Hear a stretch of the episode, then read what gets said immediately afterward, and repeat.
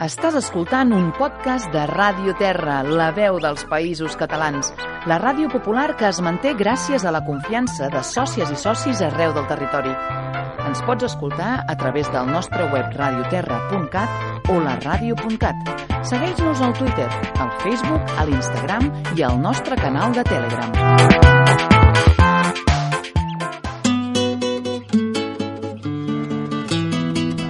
Va com va, va de llibres amb Agnès Toda.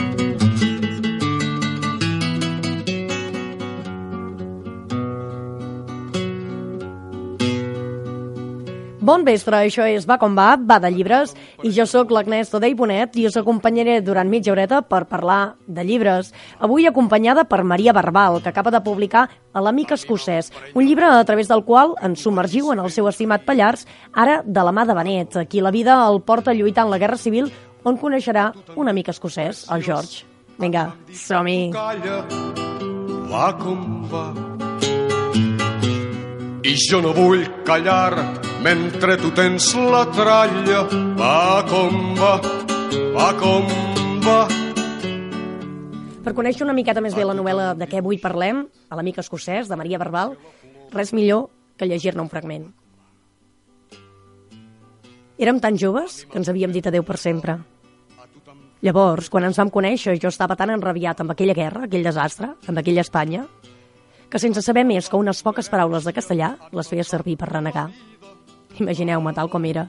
23 anys, musculat i no gaire alt, colrat, pèl roig, i dient farfallós un discurs incomprensible, com per sortir corrents del meu davant.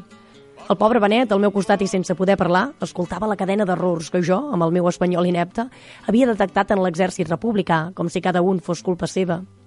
Per què no li deia dretament que havia perdut tots els companys dins del grup dels britànics del batalló Lincoln, la quinzena brigada internacional, la que s'havia integrat en la quinzena divisió on ell estava assignat?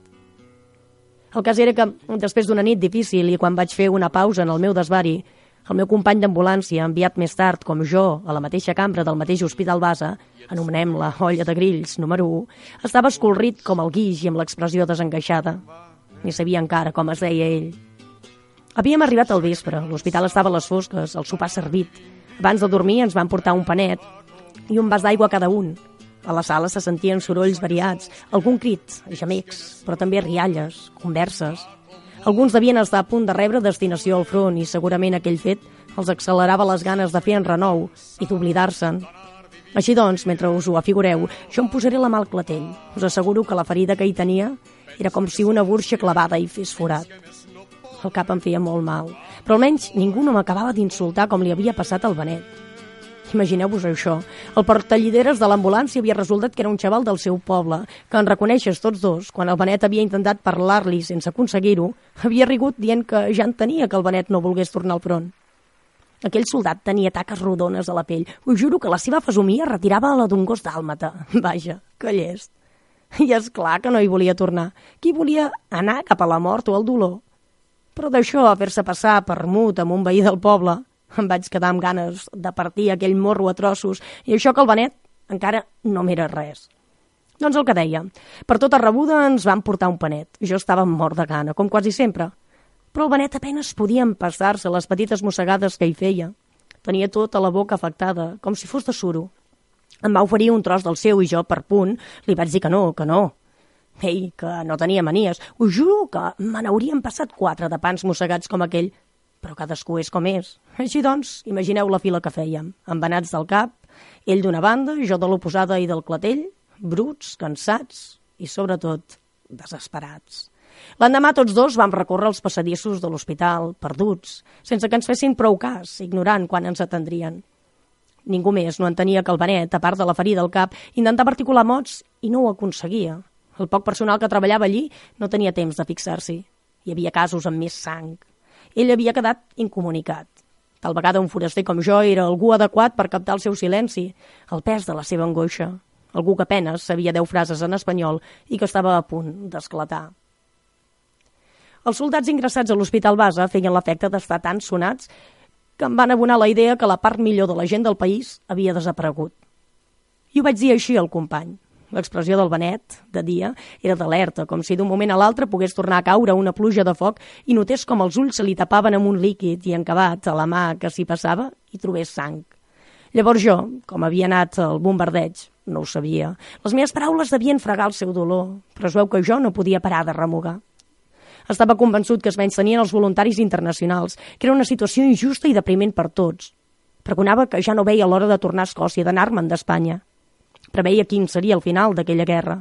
Tot em feia fàstic, ai. Amb quin talòs furibund es va trobar el Benet. Per sort meva, quan ja pensava que allí hi pararia boig, em van incloure en una ambulància on em vaig trobar amb altres voluntaris estrangers. Recordo quan li vaig dir adeu. Feia menys de quatre dies que ens coneixíem i veient-li la cara vaig saber que se sentia abandonat. Suposo que el fet d'haver estat ferits a la zona de Gandesa, d'arribar tots dos junts amb l'ambulància des del refugi on havíem rebut les primeres cures, la companyia silenciosa que ens havíem fet mentre al nostre voltant no trobàvem atenció, ens havia unit. Quan vam encaixar, els seus ulls brillaven, la boca serrada, i una calrada em va pujar al pit. Tot seguit vaig girar-me de pressa per entrar al vehicle. Contempleu la meva esquena de llavors, massissa, vestida d'uniforme, amb les aixelles molles de suor. Mireu com passa llimada damunt les cames cap a l'ambulància. Ja se sap que el clatell no hi ha boca per parlar o somriure, i encara menys, si està envenat. M'havia apuntat de voluntari perquè les idees comunistes em semblaven convincents i per perdre de vista mon pare. Em sembla ara que hi havia el desig d'aventura sumat al de ser útil a una causa justa. Em vaig anar a Edimburg sense avisar la família. Era una mica animal, jo. A hores d'ara, ja ho deveu saber. Va com va, va de llibres amb Agnès Toda.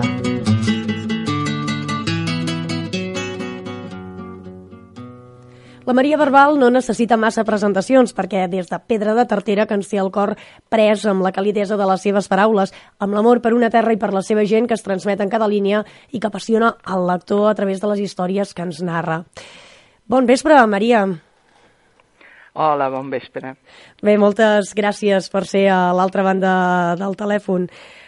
Uh, parlem de l'amic escocès, que és la teva nova novel·la. Amb ella uh, tornem a la Guerra Civil, uh, en un temps uh, passat que potser val la pena recordar. Ens hi, ens hi introdueixes també un brigadista internacional que diu coses com que uh, es va afegir a la lluita per lluitar per allò que creia just és un moment ara precisament en què potser cal tenir en compte què és just i què no és just? Sí, suposo que mm, en cada moment eh, podem pensar en la justícia. De fet, és, és alguna cosa innata en la persona ja, eh, per descomptat que ho és eh, eh pel, pel, pel poble, pel, per un grup, per una, una societat, una terra, no? Eh, en aquest moment doncs, aquest escocès pensa perquè mm, té unes idees, és, és un home jove de 20 i pocs anys, que, eh, que pot ajudar a la República Espanyola eh, que doncs, ha estat violentada per un alçament no? i, i s'apunta a, a la guerra i, i és allí on trobarà un, un amic català. Creus que ens queden moltes coses per aprendre encara, encara o per revisar de la Guerra Civil? A veure, per aprendre és que depèn del que pensem eh, amb aquesta paraula, perquè hi ha molta història escrita sobre la Guerra Civil, sobre el front, sobre eh, les causes eh, històriques, les polítiques més, més concretes, etc sobre les, les grans persones o les persones eh, que d'alguna manera mm, tenien una responsabilitat visible, no? De, també de les conseqüències, però, és clar, eh, hem de tenir també en compte que després d'aquesta guerra civil doncs, va venir a Espanya una dictadura que va de, durar moltíssims anys, no? I que doncs, els qui l'havien perduda doncs els va eh, silenciar, per dir-ho d'una manera suau. Eh, llavors, eh, jo no sé si tothom ha pogut aprendre què ha significat això per, per aquestes generacions, el silenci. Doncs aquests joves a qui la vida els va canviar a, a partir d'aquell moment. I, i doncs eh, aquelles eh, morts injustificables que després han perseguit les famílies durant generacions. Bé, tot això mm, s'hauria d'haver posat en, encara més en, eh, en conversa i a, i a la llum del dia per, per poder-ho pair, superar i, i fer un, un, un espaus de veritat.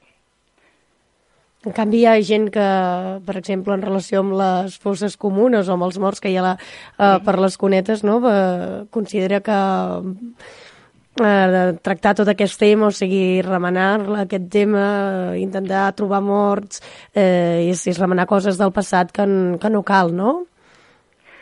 Clar, bé, és una, és una visió des d'una de, des perspectiva i, i fins i tot és, és prou comprensible si, si es mira d'una forma escèptica, però, és clar, si pensem que hi ha, hi ha hagut encara persones que volien recuperar doncs, el, eh, el, el record d'un pare, d'un germà, i que doncs, han passat molts anys sense saber on era, on, pensant doncs, que ja no, no li podien ni resar ni portar flors, doncs eh, ho entendrien no d'una altra manera. És que eh, eh, jo crec que el silenci no, no va enlloc, diríem.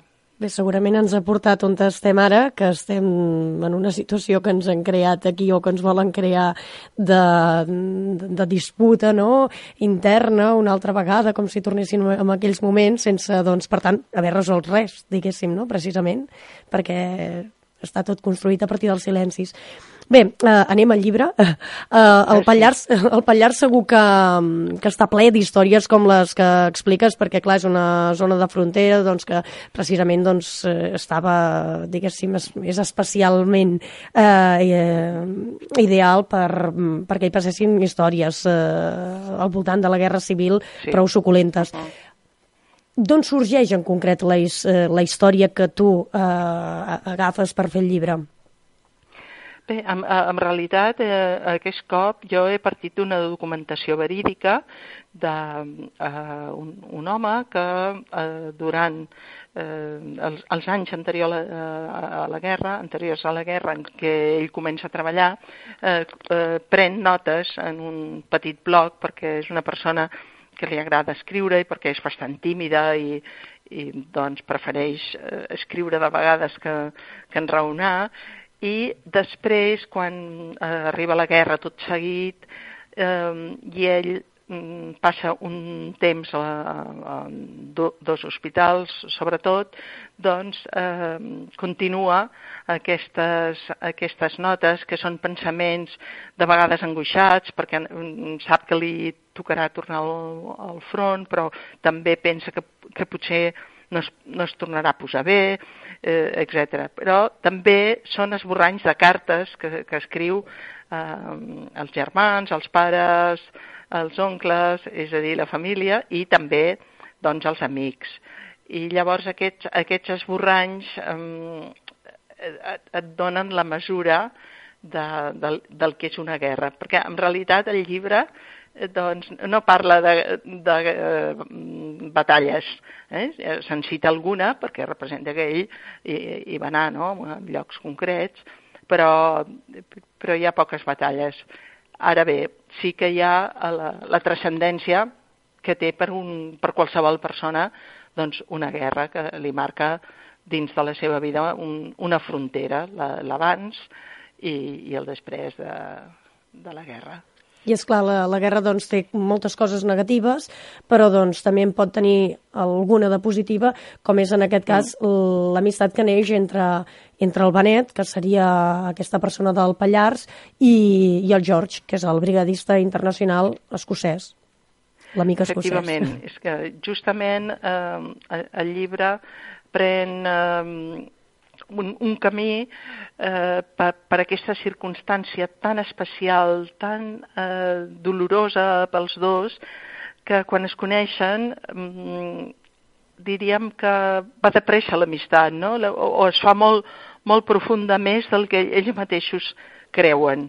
Um, I és, clar, és un, com totes le, les veritables amistats, uh, té, un, té una bellesa, almenys a mi m'ho va semblar, no? i em, em, em va agradar moltíssim aquesta idea d'aquests dos soldats que, que es fan amics en un moment dolent i que, que aquesta amistat d'alguna manera els, els sosté i, el, i els anima.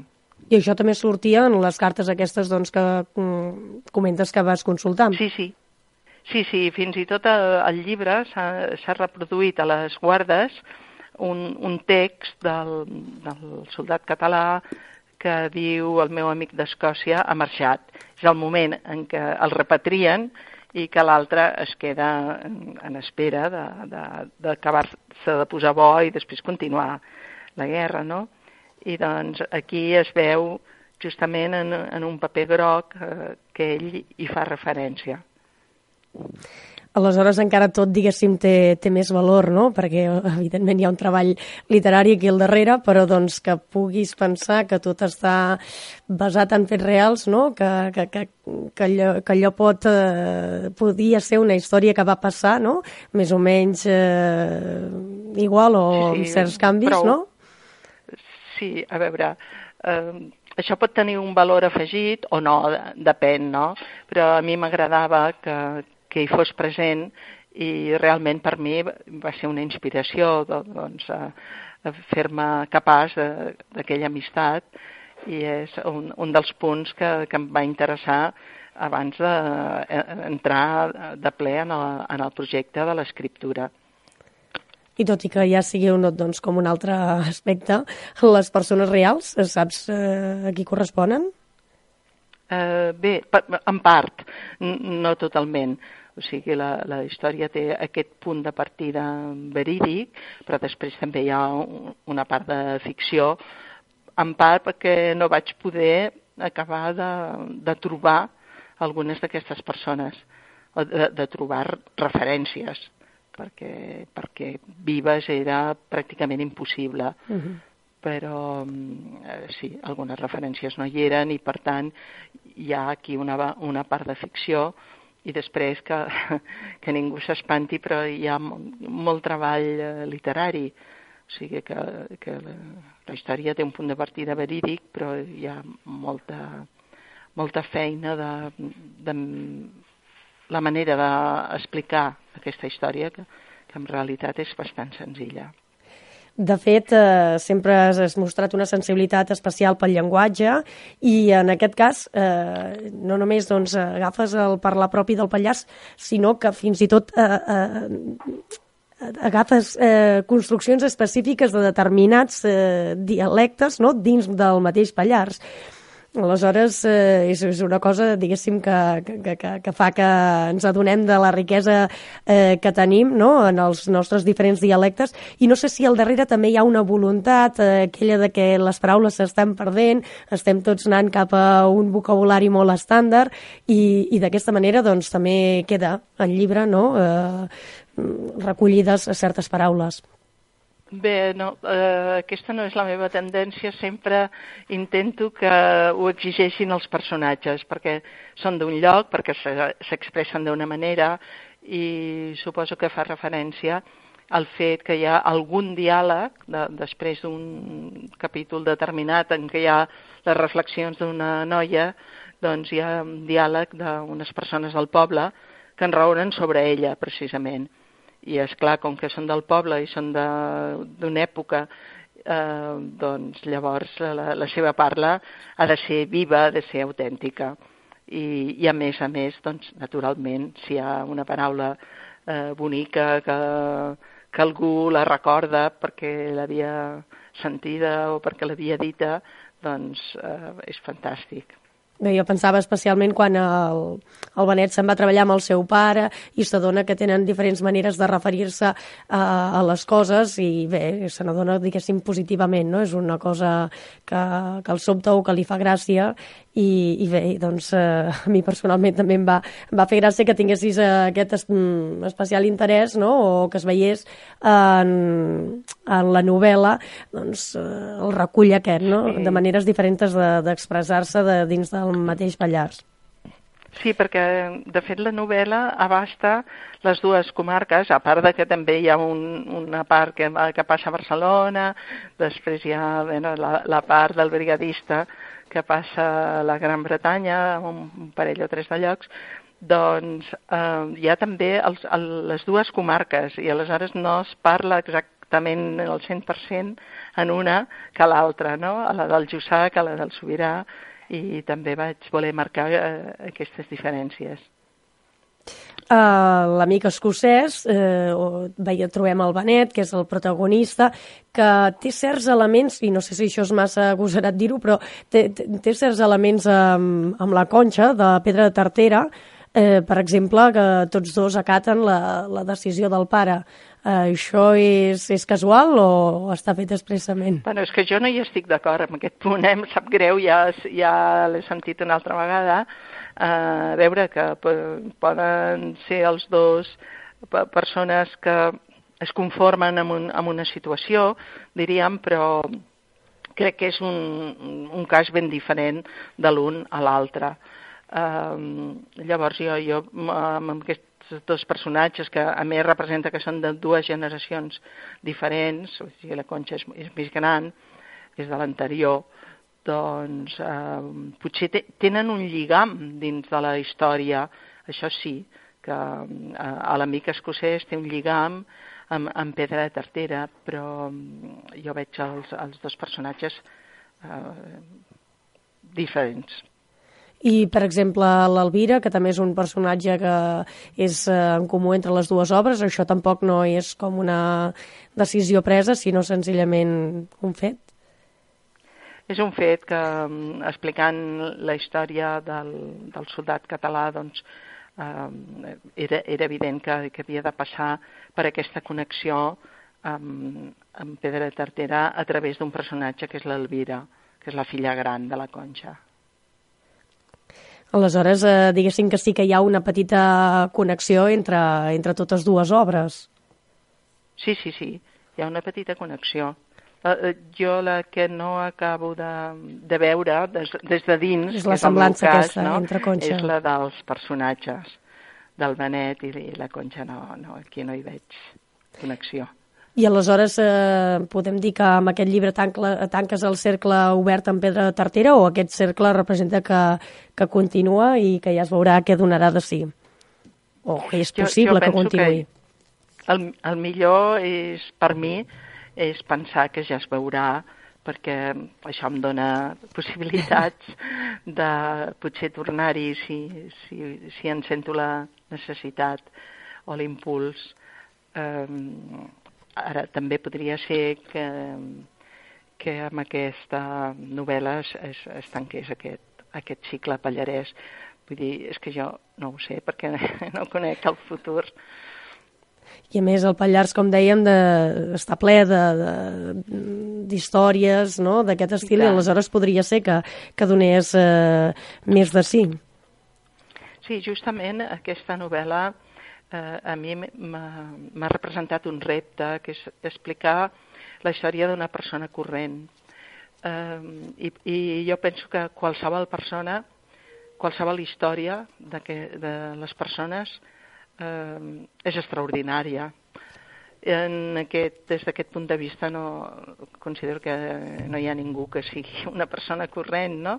però sí que és veritat que hi ha persones que, no tenen protagonisme dins de, de les notícies o eh, en la mirada de, de, dels altres, de, del seu país, però això no vol dir que no siguin persones interessants i a través de, de la novel·la o a través de, del Benet fas un cant extraordinari a l'amistat i a l'amor, que són coses d'aquestes que, que val la pena eh, posar damunt de la taula, no? perquè la vida, eh, a vegades, tot i que, eh, com en el cas del Benet, passin per una situació, es passi per una situació molt complexa, doncs eh, sempre pots acabar-te la de mirar de, des d'una altra perspectiva, no? Sí, e, efectivament, eh? també em referia a aquest fet, no? que una persona que potser no, té, no transcendeix el seu nom eh, públicament doncs pot, pot tenir una història d'amor preciosa o una amistat excepcional que, que, que de fet és, és com una il·luminació eh, en, en la seva vida, no? en els seus dies, i, i doncs crec que aquests fets els, els compartim moltes persones sortosament i, i a mi m'interessa doncs, par parlar-ne, escriure sobre això tot i que la vida també, clar, té, té coses, bé, a part de la guerra en si, no? diguéssim, d'altres coses dures, de tries que s'han de fer, no? i que en aquest cas doncs, eh, eh, li porten, a, porten el Benet a prescindir de la seva carrera artística, de la seva passió no? per, per l'art. Sí, efectivament, eh, hi ha, hi ha d'alguna manera una, una renúncia que si bé està feta en un moment en què ell és molt jove i, i per tant no té tampoc la seguretat que una carrera artística l'hagués pogut mantenir, doncs almenys l'hauria pogut intentar. I, i doncs, és clar, com moltes famílies humils en temps difícils com són la, la guerra la postguerra, es van haver de, de reestructurar i, i com van poder, no? cada un dels seus membres en relació doncs, a les pèrdues que hi havia hagut, amb, amb els canvis que, que havien tingut en els pobles o en les eh, societats on vivien, doncs, eh, clar, va, va quedar modificat no? per, per, per un trasbals tan immens com, com pot ser doncs, la, una guerra, no? amb, amb morts, ferits, eh, desapareguts, eh, empresonats, és a dir, una, una casuística molt, eh, molt forta, molt intensa. Bé, doncs tot eh, per acabar-nos parlant això d'humanitat, de vides que, que potser a vegades no tenim prou en compte, com deies, i, i bé, no sé si ara a través doncs, de la publicació potser es pot acabar de, de, de, de fer aquell trencaclosques que, que tenies amb, o que has comentat eh, amb, amb la documentació que vas consultar i que doncs que encara et, acabava, et faltaven peces per, per acabar d'encaixar o personatges per acabar de descobrir. Potser eh, ara que la novel·la està publicada igual encara sorgeixen eh, noves, eh, noves aportacions no, en aquesta història. Sí. Sí, podria ser, podria ser, efectivament. Eh? És, és, és sorprenent perquè eh, publicar un llibre eh, representa un, una comunicació extraordinària amb moltes persones. Eh, persones que, que normalment no te les pots trobar al costat, que no, que no tens a prop, però que el llibre fa de pont o de lligam entre els qui escrivim i, el, i els qui llegeixen. Naturalment, els qui escrivim també llegim i, i bastant, eh, però em refereixo a aquest, eh, aquest contacte que es, que es multiplica. Sí, perquè avui en dia també amb les noves tecnologies representa que les distàncies s'escurcen no? i arribar a Escòcia, per exemple, doncs és, eh, si més no a través de les noves tecnologies, eh? no, no físicament, sí, haver-hi sí, d'anar, sí. doncs és una cosa que, que és més, sí, més, sí, sí. més fàcil que no jo, pas... Jo, sí, sí, jo, jo vaig uh, repassar eh, la immensa majoria de brigadistes escocesos que van venir, eh, en concret a Catalunya, eh, doncs a, a través d'una un, pàgina web d'internet, no? I vaig veure fotos, vaig veure procedències, vaig veure eh, quant temps havien viscut, quan, quan els havien repatriat, i, i tots aquests elements m'han ajudat molt a, la, a escriure la novel·la, per exemple, no?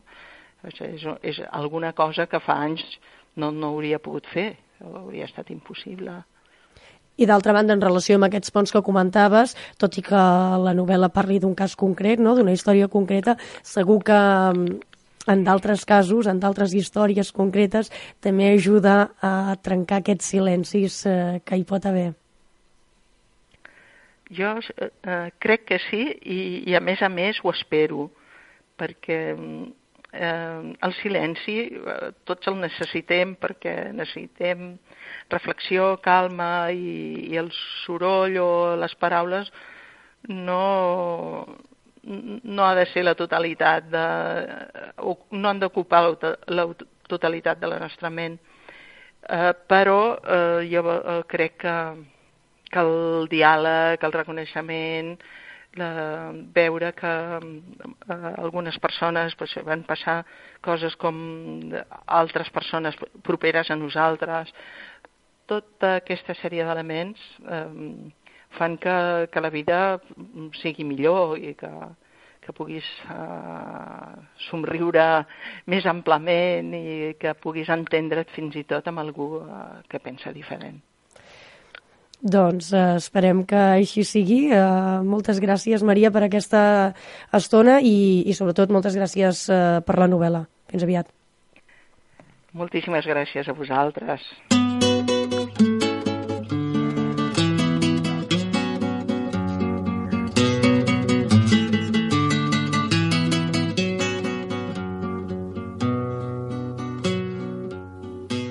Fins aquí, doncs, el programa d'avui i la setmana vinent més. Ens podeu seguir al web de Radio Terra, la radio.cat, al nostre blog va com va, barrallibres.blogspot.com o pel Facebook. Va com va, va com volem. Feu que gràcies a la lectura aquest volem sigui més solidari i sostenible. A tu t'han dit preciós, a mi m'han dit tu calla, va com va i jo no vull callar mentre tu tens la tralla. Va com va, va com va. A tu t'han dibuixat, jo trenque la ploma. Va com va. A mi m'han fet ple d'odi, a tu t'han fet de goma. Va com a tu t'han dat l'herència, a mi m'han dat la vida. Va com va. A mi em toca lluitar, a tu prendre la mida. Va com va, va com va.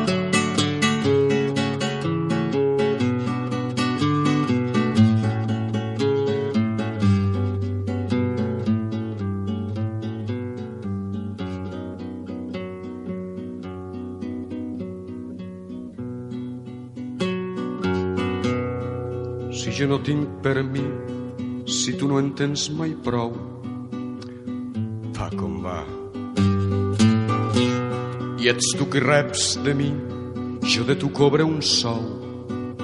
Va com va, eh? Si jo ja m'he cansat d'anar vivint dient el va com va.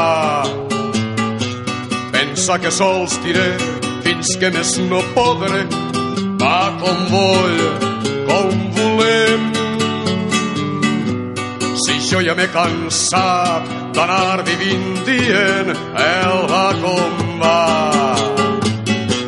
Pensa que sols diré fins que més no podré, va com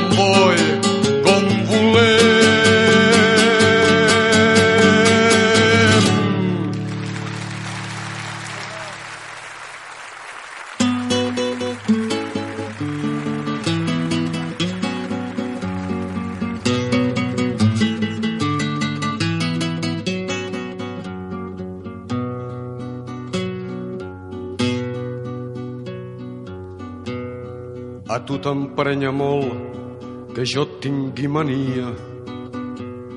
Va com va.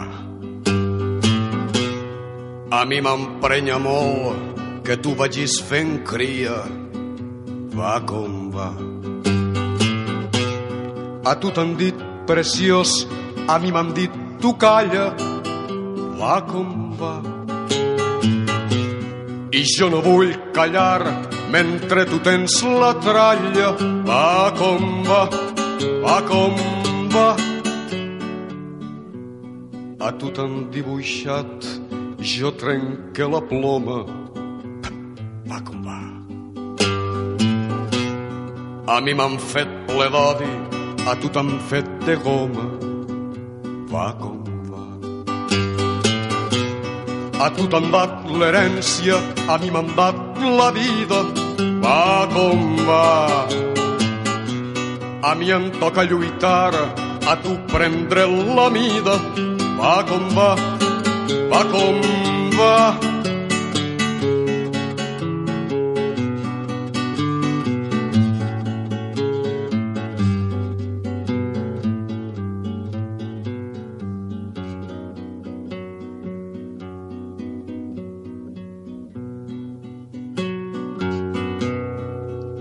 Tinc per mi si tu no en tens mai prou.